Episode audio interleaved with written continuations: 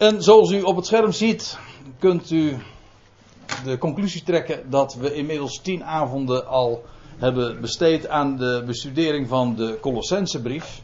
En inmiddels zijn er dus al een drietal hoofdstukken uh, besproken. Nee, uh, een tweetal hoofdstukken. En we zijn nu dus bezig in hoofdstuk 3. En we waren de vorige keer aangekomen inmiddels in vers 5 van Colossense 3 dus. En om het geheugen een klein beetje op te frissen, lijkt het me een goed idee om bij vers 1 nog even te beginnen. Dat wil zeggen om het voor te lezen, om een beetje ook in de stemming te komen, om in de sfeer ook te komen van waar Paulus het over heeft. En in vers 1 begint hij dus met dit te zeggen, en ik lees voor uit de MBG-vertaling. Indien gij dan met Christus opgewekt zijt, zoekt de dingen die boven zijn waar Christus is, gezeten aan de rechterhand Gods, bedenkt de dingen die boven zijn, niet die op de aarde zijn. Want gij zijt gestorven en uw leven is verborgen met Christus in God. En wanneer Christus verschijnt, die ons leven is, dan zult, gij, zult ook gij met hem verschijnen in heerlijkheid. En dan begint een nieuwe pericoop. En dat is ook echt een nieuw gedeelte. In vers 5. Dood dan de leden. En ik heb de vorige keer al aangetoond. Dat ga ik nu dus niet opnieuw nog een keer doen. Maar toen hebben we ook gezien dat uh, Paulus uh, niet het woord doden gebruikt, maar eigenlijk het woord versterven. Doe versterven. Of versterf dan de leden. Dat is een groot verschil. Versterf dan de leden die op de aarde zijn hoererij, onreinheid, hartstocht, boze begeerte en de hebzucht, die niet anders is dan afgoderij. Nou, en dat was het laatste waar we het over hebben gehad. En om meteen eventjes die, draad ook en die gedachte ook op te pakken, lijkt het me goed om eventjes dit ook nog even goed in het vizier te brengen. Namelijk dat Paulus zegt van juist omdat hij in de eerste verse had aangegeven dat we onze gedachten zouden bepalen bij hem met wie wij immers verbonden zijn, hoofd, lichaam, we zijn één gemaakt met hem. Dat is ook een van de grote thema's van deze brief. Dat aangezien ons leven, met recht, leven, namelijk de opgestane, daar is, bedenk dan ook de dingen die, uh, bedenk dan de dingen die boven zijn en eh, niet die op de aarde zijn. En dan zegt hij dus, het idee is dus als je aandacht daar is, op gericht is, zoekt de dingen die boven zijn. Dat betekent dat dus de aandacht versterft, uh, de aandacht verdwijnt voor de dingen hier op aarde. En daarmee, die krijgen dus geen voeding. En dat verklaart ook meteen dus dit woord. Versterf. Die dingen versterven dan. Die, eh, die worden genegeerd. Aangezien de aandacht naar heel andere dingen uitgaat. Namelijk naar Hem die ons leven is. En al die eh, dingen, nou ik hoef. Stoort het niet al te zeer, de, de, de kinderen hier? Nou ja, hooguit voor de opname uh, die uh, op het internet denk je, god, wat een jeugdig publiek was er toch op die Bijbelstudie. Maar wat praten ze er toch allemaal doorheen? Door elkaar. Maar goed, uh, dat versterft dan uh, de, de leden die op de aarde zijn. Daar hoeven we nu dus, uh, dus ook niet te veel aandacht aan, aan, te geven. Ik wil, je moet weten waar hij het over heeft. wat, wat, wat betekenen zulke woorden überhaupt? Hè? Hoererij, onreinheid. Nou, daar hebben we het even over gehad. Maar ik zeg er meteen bij, en ik haast me zelfs erbij te zeggen als we weten wat die begrippen betekenen, dan moeten we weer snel verder gaan. Want voor de rest is het namelijk niet interessant. Dat is nu juist het punt wat Paulus hier maakt. Dat is namelijk, als je bedenkt de dingen die boven zijn, dan bedenk je dus niet deze dingen. Dus laten we daar niet al te zeer ons mee bezighouden. Goed, die hebzucht, dat, dat heb, meer willen hebben, altijd maar, dat, dat getuigt trouwens ook van onvrede. Van al deze dingen, dat, dat wil ik er nog wel even van zeggen. Van al deze dingen kun je zeggen dat als je enigszins uh, idee hebt van waar, waar, het over gaat, dan begrijp je ook meteen waarom dat zou versterven. Waarom het niet gelieerd is, niet verbonden kan zijn met de dingen die boven zijn. Die, die staan echt met recht tegenover elkaar. Hebzucht getuigt trouwens. Die hebzucht, dat betekent dus letterlijk, ik heb het de vorige keer geloof ik ook laten zien. Dat is, betekent meer willen hebben, meer hebben. Nou, dat, geeft aan dat je onvrede hebt. En dat je dus niet dankbaar bent. Maar aangezien wij wel, wij leven uit dat wat gegeven is, we leven uit genade. En dus zijn wij ook tevreden. En daarin heeft hebzucht dus geen plaats. Je geeft God daarin de eer. En als je, als je dus gedreven wordt door hebzucht, dat is feitelijk ook afgoderij. Goed, nou. Dat is een mooi ding om dan uh, meteen verder te gaan. In vers 6 zegt Paulus: Om welke dingen de toren Gods komt. En dan staat er in onze vertaling, in de MBG-vertaling, een punt. De zin gaat niet verder, maar als u een statenvertaling hebt, en dat geldt voor de, eh, de oudere vertalingen in het algemeen, gaat, dan gaat de zin verder. Namelijk, en dat is, laat ik dat er ook meteen even bij zeggen, de grote handschriften, en ik noem ze hier even de Sinaiticus en de Alexandrinus, dat voor de, voor de liefhebbers, voor degenen die een klein beetje weten hebben van hoe de, de Bijbeltekst die wij hebben tot stand is gekomen, of overgeleverd is, zo moet ik het zeggen. De grootste handschriften die voegen er iets aan toe. Helaas hebben de moderne vertalingen dit weggelaten. Maar dit is wat er eigenlijk nog staat. En ook inhoudelijk klopt dat helemaal. De weglating, zoals de MBG daarvoor gekozen heeft. Dat is trouwens geen vertaalkwestie, maar dat, is, dat noemen ze tekstkritiek. Staat dat in het origineel of niet? Ik geloof dus niet alleen maar op basis van het feit dat die, de grote getuigen die tekst hebben, dat dat correct is. Dat is één ding, dat is, dat is het belangrijkste maar ook inhoudelijk matcht dat. Want het punt is namelijk dat Paulus juist leert dat wij verbonden zijn met Christus. En dat wij bevrijd zijn van de toorn Gods. En wij hebben daar dus helemaal niet mee te maken. En waar Paulus hierover spreekt, over, over welke dingen, nou dat was dus dit, hè. Over welke dingen de toorn Gods komt. En dan staat erbij over de zonen van de ongehoorzaamheid. Als u een statenvertaling hebt, dan ziet u over de kinderen der ongehoorzaamheid, van de weerbarstigheid. Dat is ook zo. De toorn Gods komt daarover, niet over ons. Een van de, nou ik zou zeggen, een van, dat is toch een ABC van, van het evangelie. En als je een gelovige bent, dan ben je gerechtvaardigd en dus geen voorwerp van de toorn Gods. Vandaar ook dat Paulus eigenlijk daarmee aangeeft is dat, dat dat een heel andere wereld is. Wij zijn verbonden met Hem en dus uh, dit is niet onze omgeving, dit is onze wereld niet. Ik bedoel ook letterlijk, ja, nou letterlijk, maar vooral ook figuurlijk. Dat is niet ons leven. Wij hebben een, wij hebben een echt leven, om zo te zeggen. Maar die, die toorn van God, die zal komen over de zonen der ongehoorzaamheid. Dat woord toorn, in de Concordant Version, daar ziet u de indignation. Dat is de verontwaardiging. Dat is niet, dat is niet hetzelfde als de boosheid zelf, dat, zit dat is de emotie. Maar de toren, dat is de uiting van die boosheid. Dus wat er buiten, naar, naar buiten komt, dus het tonen van je afkeer. God heeft daar een afkeer van en zal dat ook demonstreren. TZT. Trouwens, ik zeg TZT, maar eigenlijk is dat nu al zo. Want dat, maar dat is een onderwerp apart. In Romeinen 1 lees je ook dat toren God zich open, van de hemel openbaart. Romeinen 1 vers 18. Lees het maar eens na. En dan, en dan over alle ongehoorzaam, nee, over alle goddeloosheid en ongerechtigheid van de mensen die de waarheid in ongerechtigheid ten onder houden. En waarin komt die toren dan tot uitdrukking? Niet door lichtstralen en door, door bliksemflitsen en donder en uh, dat soort dingen. Zoals dat bijvoorbeeld op de, in de dag van de toren wel het geval zal zijn.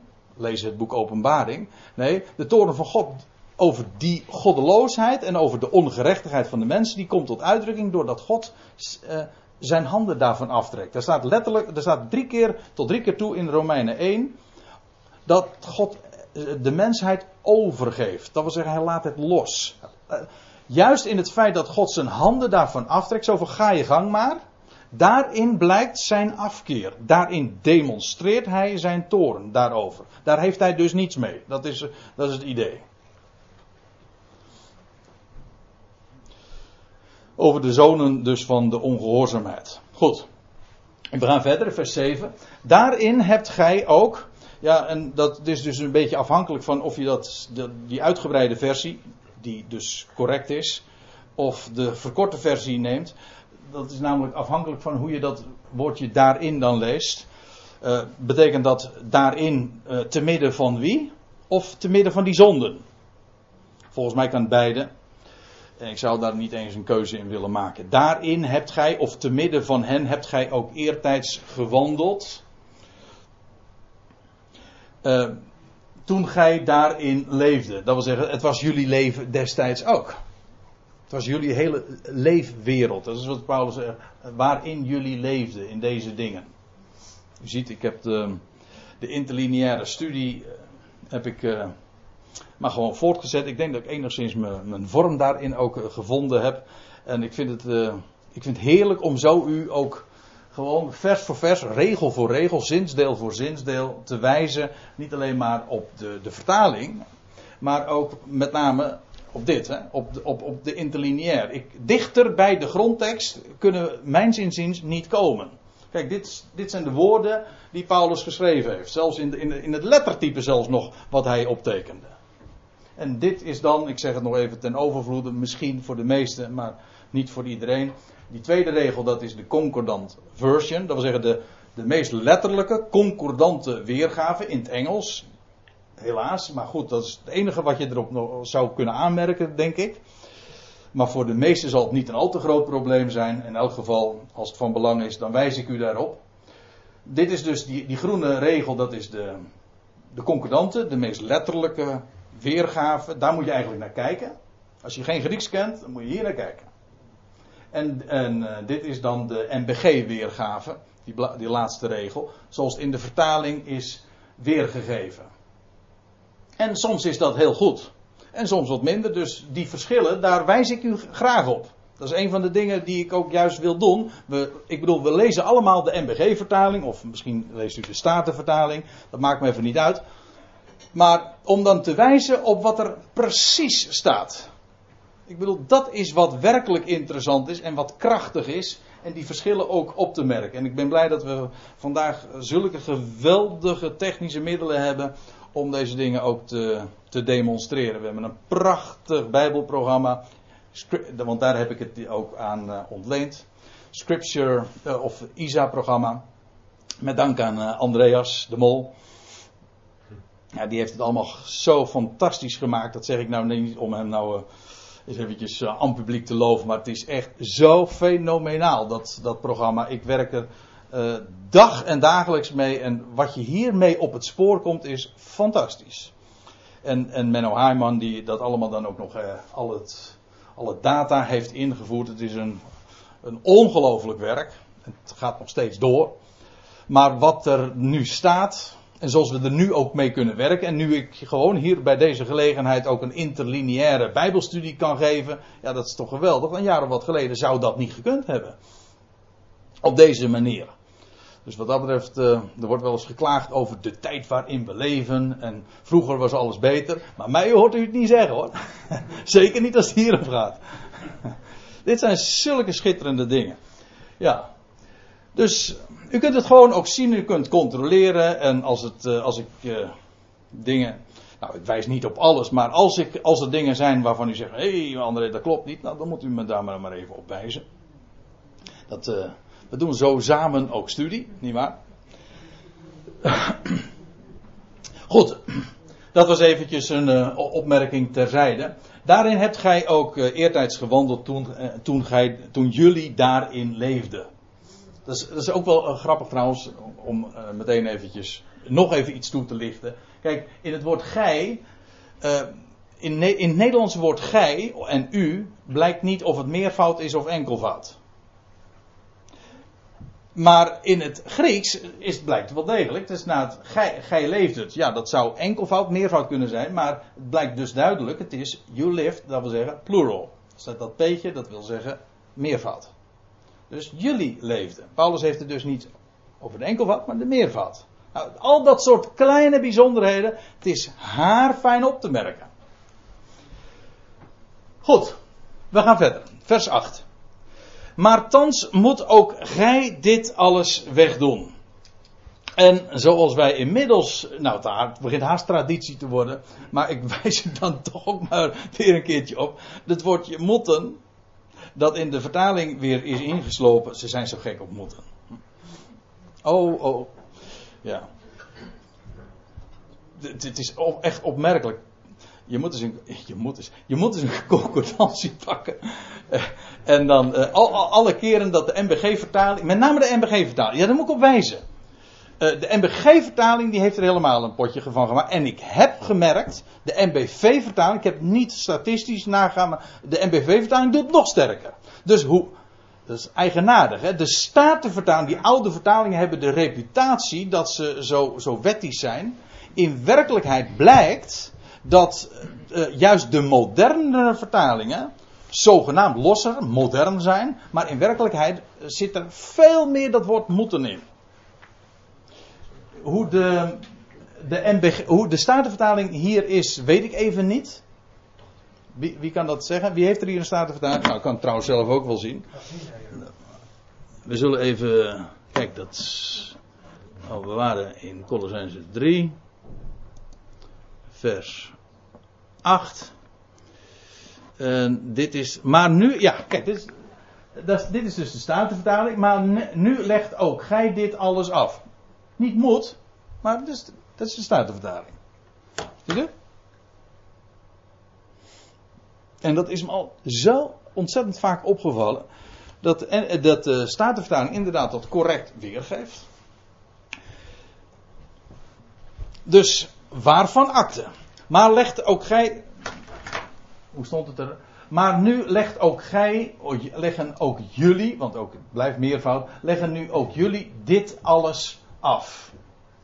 Ja, waarbij uh, dit woord wegdoen, uh, dat is een woord in de, u ziet het, in de Statenvertaling, uh, of in de Concordant Version, putting away. Het heeft te maken met afleggen. Dat blijkt heel duidelijk, want ditzelfde Griekse woord, dat wordt ook gebruikt. Dat kende Paulus maar al te goed.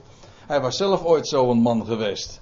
Die, bij wie de jassen werden afgelegd. Het is de eerste keer dat de naam Paulus, of nee, niet eens Paulus, dat de figuur Saulus in de picture komt in het uh, Nieuwe Testament. In Handelingen 7, vers 58 bij de steniging van Stefanus. En toen gingen ze de jassies allemaal even uitdoen. Dat was een heel officieel gebeuren, want het was het Sanhedrin notabene die deze man, Stefanus, die een, een vlammende reden had gehouden, stenigde. En dan bij die gelegenheid lees je dus, en de getuigen legden hun mantels af. Dit woord, dit woord wat hier staat in het Grieks, dat is dit woord hier ook. Hetzelfde woord. Afleggen. Dus zoals je een mantel, een jas afdoet aan de voeten van een jongeman Saulus genaamd. Dat was dus zijn, ooit zijn functie. Ik zeg wel eens gekscherend, dat was zijn functie als de jasbeschermer. Hè? En hier uh, wordt dus dat woord van wegdoen gebruikt, afleggen. En dat is opmerkelijk, want wat Paulus hiermee aangeeft, is dat dat gedrag waar hij het nu ook in vervolg over gaat hebben, uh, over de dingen die zouden afleggen, uh, dat, heeft, dat is gedrag. Maar het, hij, hij maakt het beeld, hij, of hij legt het verband tussen een, een gedrag en een kleed. Gedrag is niet iets wat bestreden moet worden of waarvoor je in therapie moet. Nee, hij, zegt, hij, geeft gewoon aan van bepaald gedrag. Uh, dat past niet zoals een jasje niet past. Of een kleedje niet past. Dat leg je gewoon af en een, een andere, andere uiterlijke vorm die wel passend is, die wel mooi is, die goed is, die, die past bij jouw status. Dat is het idee. Het is nu eenmaal zo dat uh, we, kiezen onze kleren met, met zorg. De een meer, de ander minder. Ik hoor bij de laatste categorie. Maar ik heb gelukkig een, een vrouw aan mijn zijde die uh, dat enigszins in het die dat allemaal enigszins stuurt. Maar goed, Uh, ik, ik, bedoel dit te zeggen dat je dus kleding hebt die, die, die past bij je en die past bij je identiteit, bij de vorm, bij, je, bij de gelegenheid ook. Dat, dat, dat, daar, daar geef je aandacht aan. Nou, wat Paulus zegt van, dat zal hij in het vervolg ook laten zien, je uitverkorene van God, met zo'n status, daar hoort een bepaald gedrag, een bepaalde buitenkant, een bepaalde kleding bij. En die kleding vergelijkt hij dus met gedrag. Bepaald gedrag hoort er wel bij, bij je status, bij je identiteit en ander gedrag niet. Dat lijkt mij vrij duidelijk. Dus dat woord. En dan wil ik op nog iets wijzen. Hij zegt, maar thans. Hij gaat nu namelijk nog iets toevoegen. We hadden namelijk in vers 5 al gezien van dat, hij, dat hij sprak over dat versterven. En in dat rijtje, in vers 5, noemde hij dingen die ge, gelieerd zijn of die te maken hebben met begeerten. Seksuele begeerten, maar niet per se. Ook de begeerten naar meer in het algemeen, hebzucht. Maar gewoon begeerten. Hoererij, onreinheid, die dingen die hij noemde. En daarvan zegt hij, laat ze versterven. Hier gebruikt hij, in vers 8, heeft hij niet over uh, begeerten, maar heeft hij het allemaal over uitingen van agressie. Verschillende vormen, we komen daar eh, nu uh, vanzelf op. En daarvan zegt hij, leg dat af als een kleed. Dus een, bij, bij die, in verband met die begeerte spreekt hij over, doe het versterven. En bij, als het gaat om die ag agressieve uitingen, daarvan zegt hij, dat past niet bij je als, en leg het als een kleed af. Als een mantel leg je het af. Opmerkelijk, opmerkelijk verschil.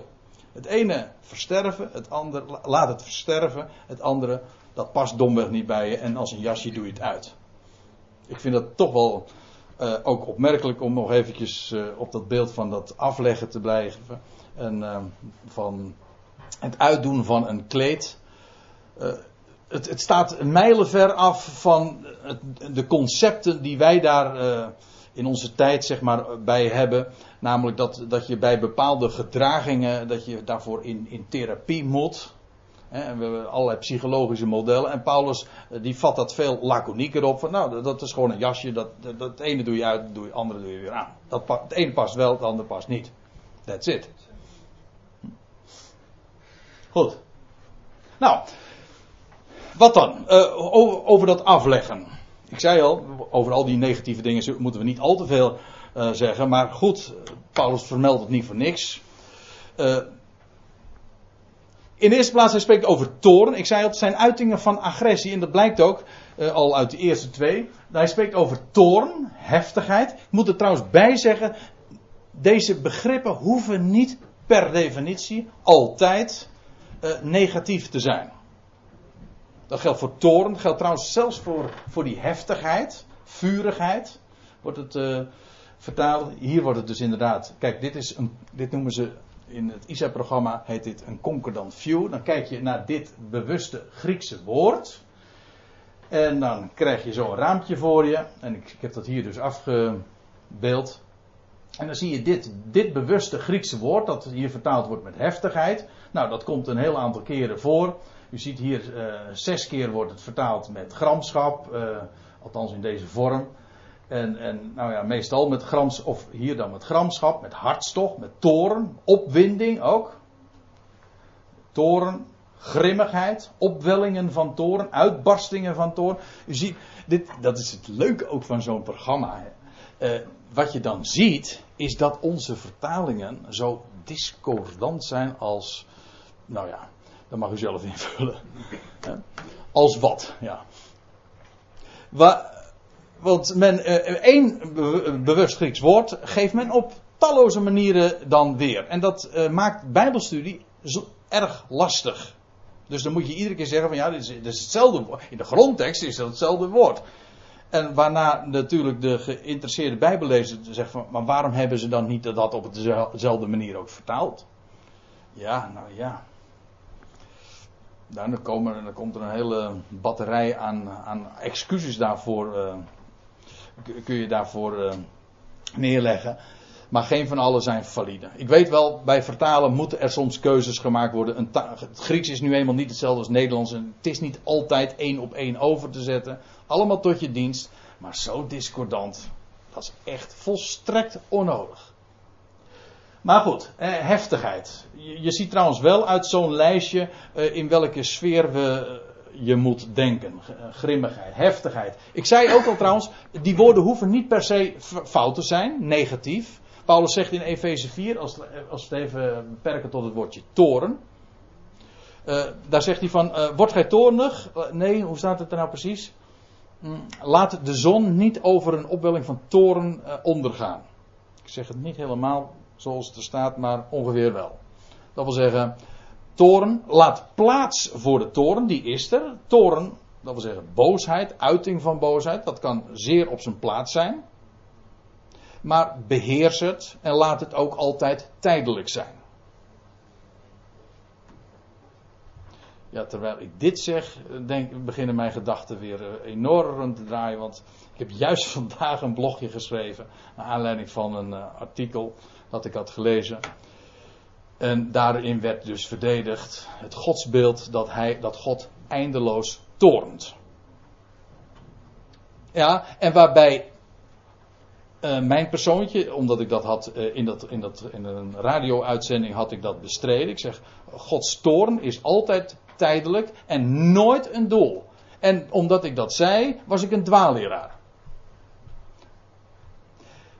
En het is zo evident, zo duidelijk. We, we, begrijpen, zelfs gewoon los van de Bijbel, begrijpen we allemaal op menselijk niveau al. Toorn heeft een functie. Dat je boos wordt op, op iets om iets te corrigeren, alleen al in, in bepaalde verhoudingen. Maar het is altijd natuurlijk een, uh, een middel tot een doel om, om iets te corrigeren. Maar het is nooit een doel op zich. En dan te bedenken dat we groot geworden zijn. En ik, heb, ik ga er nou gemakshalve vanuit dat we allemaal. Ja, we zijn tenslotte allemaal groot geworden in een Calvinistisch Nederland. In een, in christelijke wereld. Of, of voor wat daarvoor uh, voor door mag gaan. Nou, allemaal groot geworden en grootgebracht bij het idee van een God die eindeloos toornt. Nou, dat is een, een, een demonisch idee. Aarzel zelfs niet om dat woord te gebruiken in dit verband. En ik zeg het mijn moeder na, mijn, die toch echt, die ik uh, echt uh, inschat als een zeer Calvinistische vrouw. Uh, maar mijn moeder die zei, gaf, uh, zei vroeger altijd al tegen mij van... André, kwaad worden is menselijk. En zelfs ook heel bijbels. Maar kwaad blijven is duivels. Ja, dat is toch zo. En, maar die eigenschap wordt wel God in de schoenen geschoven. Dat God kwaad zou blijven. Dat is toch absurd? Ook Gods toorn, ik heb het nou al een paar keer over gehad, is een, bijbels gegeven. Maar het is altijd een ogenblik duurt zijn toren, maar een leven lang zijn goede tierenheid. Dat zijn de bijbelse proporties en verhoudingen. Goed, maar we begrijpen allemaal toorn en heftigheid in het algemeen. Mensen hebben dat niet in de hand en uh, niet in proportie. We kennen toch allemaal het gezegde van: uh, word je boos, tel eerst tot tien. Ja. Dat wil zeggen, beheers het. Zodat daar niet, geen uitbarstingen van toren zijn. Goed, we begrijpen, Paulus zegt, doe dat af. Leg dat af. In de wereld is dat, mag dat dan heel gebruikelijk zijn. Laat jezelf maar gaan en, en, en, en agressiviteit naar elkaar toe. Paulus zegt, het past niet bij ons, bij, bij ons die de liefde van God hebben leren kennen. Toren, heftigheid, kwaadaardigheid. Dat is ook weer zo'n zo uh, merkwaardig begrip. ja, zeker in het Nederlands ook. Kwaadaardig, boosaardig. Als je goed over zo'n woord nadenkt, dan weet je wel, ja, wat is het nou eigenlijk? Dat is net zoiets als waterstof, gas. Hm? Wat is het nou, vloeibaar of stof? Is er... ja, en, kwaadaardig. Is hij nou. Uh, knap lelijk. Ja, je bent knap of je bent lelijk, maar je kan ook nog knap lelijk zijn. Nou ja, dat, is, dat zijn allemaal. Ja, ik heb iets met taal en daarom val ik over zulke begrippen. Kwaadaardig, maar goed, we, we weten allemaal wat. In de aard is kwaad. En het idee is, dat zie je trouwens ook uit zo'n zo'n zo'n lijstje van, in, bij zo'n concordant view. Kwaadwilligheid, boosheid. Het heeft um, ook te maken. Het woord wordt ook gebruikt door in verband met uh, Simon de Tovenaar, die ook van die kwade vermoedens heeft. Mensen, kwaadwilligheid. Boze intenties bij de ander veronderstellen. Altijd maar uh, negatief uitleggen. Als je negatief iets uh, gedrag van nee, als je gedrag negatief kan uitleggen van een ander, dat vooral niet nalaten. Nou, in de wereld is het gewoon, dat heet dan laster. Nou, daar komen we trouwens ook nog op. Nou, of laster, maar kwade vermoedens, roddel. Wat roddel is ook in wezen kwaadaardig. Namelijk de ander bewust in een negatief uh, daglicht plaatsen. Ja. Kwaadaardigheid. Laster. Ja, daar hebben we dit woord waar ik het net over had. Trouwens, dat is wel leuk, want u ziet, uh, wat hier staat is eigenlijk het, het Griekse. Wij kennen dat Griekse woord namelijk, blasfemie. Dat, is hier, dat komt eigenlijk uit het Grieks.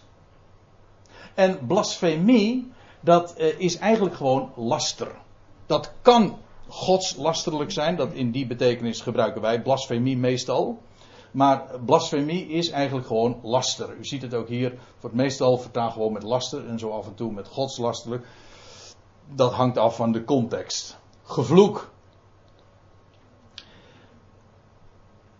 En uh, de precieze betekenis is harm ver. Dat is uh, wel, leuk om daarop te wijzen. Harm, dat wil zeggen beschadigen.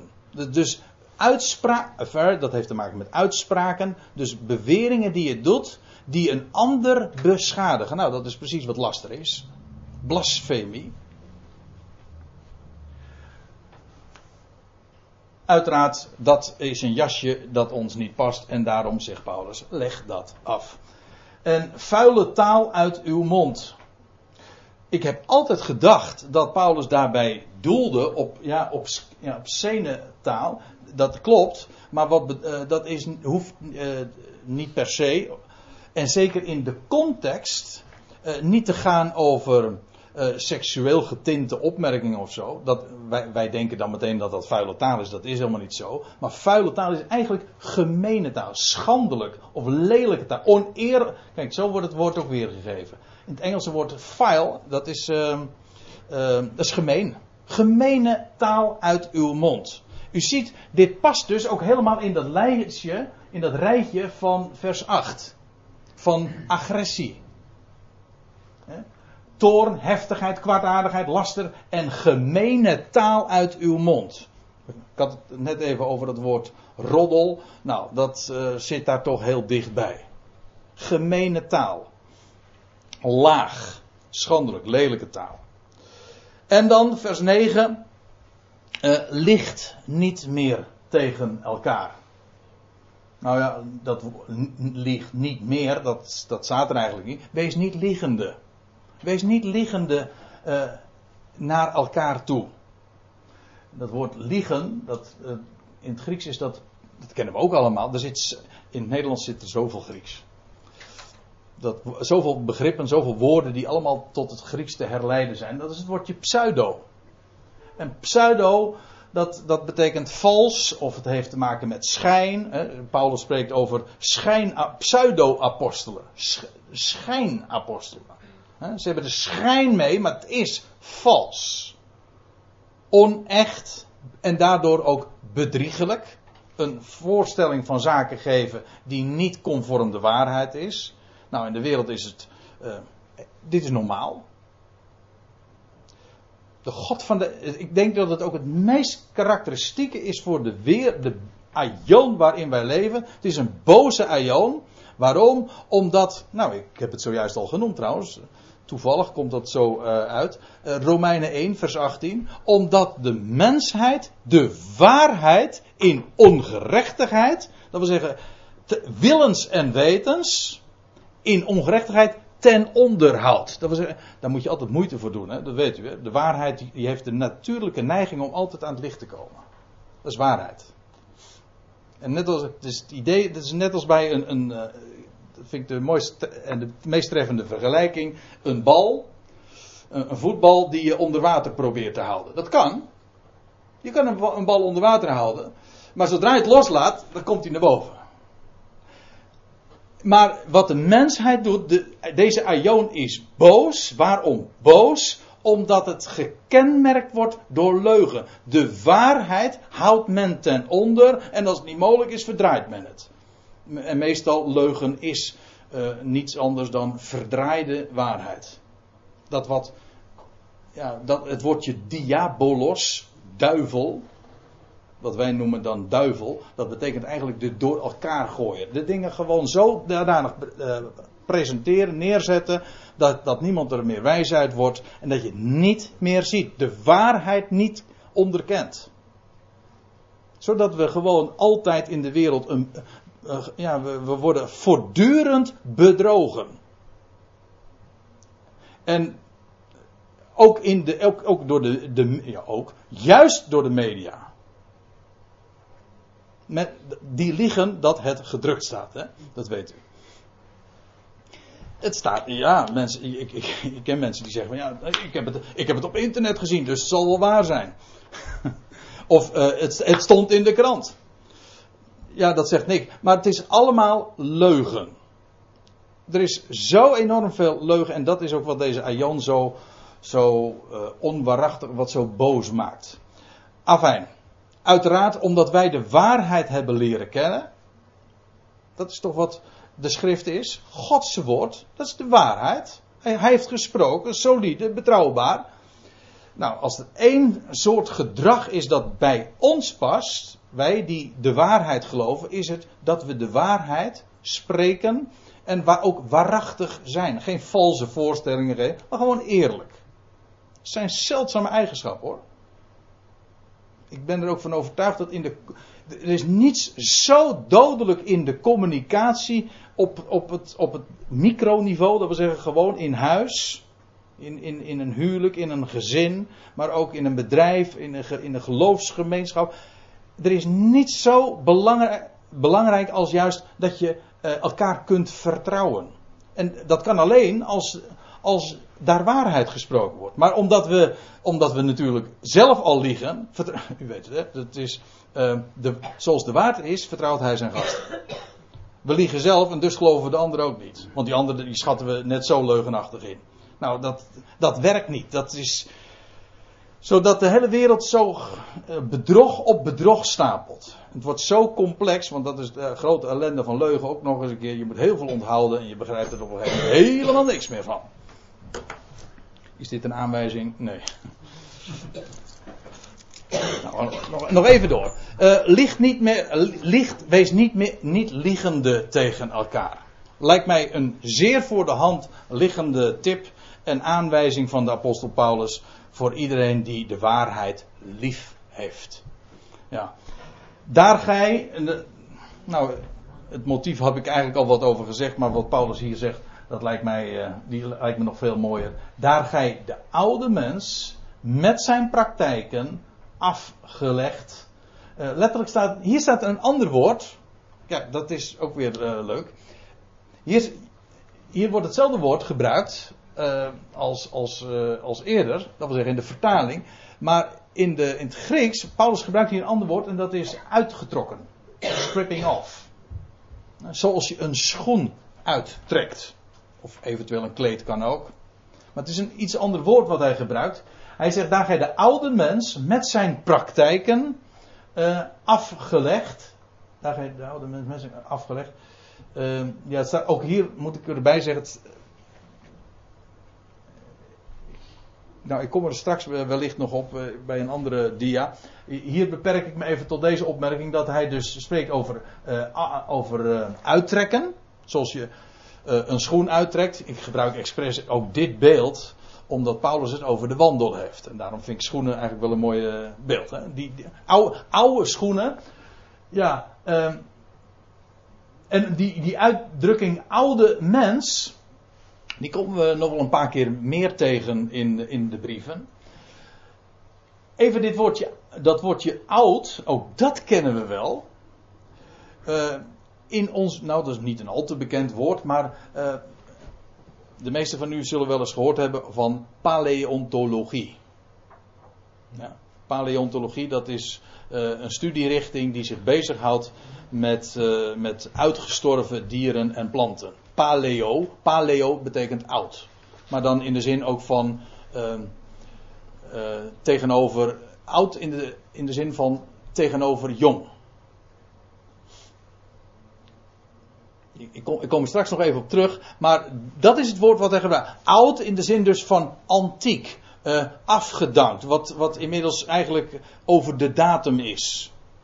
Verouderd. En dat woord, die oude mens, dat, diezelfde uitdrukking die hij hier dus bezigt, die bezigt hij ook in Romeinen 6, vers 6. Daar, daar schrijft hij dit. Dit weten wij, uh, dat, dit weten wij immers, dat onze oude mens mede gekruisigd is. Dit, dit zijn dezelfde gedachten die ook in de Colossense brief weer meekomen. En altijd weer vind je dat terug in de brieven van Paulus. Christus stierf, Christus werd gekruisigd. Wij, aangezien wij als gelovigen verbonden zijn met hem, zijn wij dus samen met hem mede gekruisigd. Zo rekent God.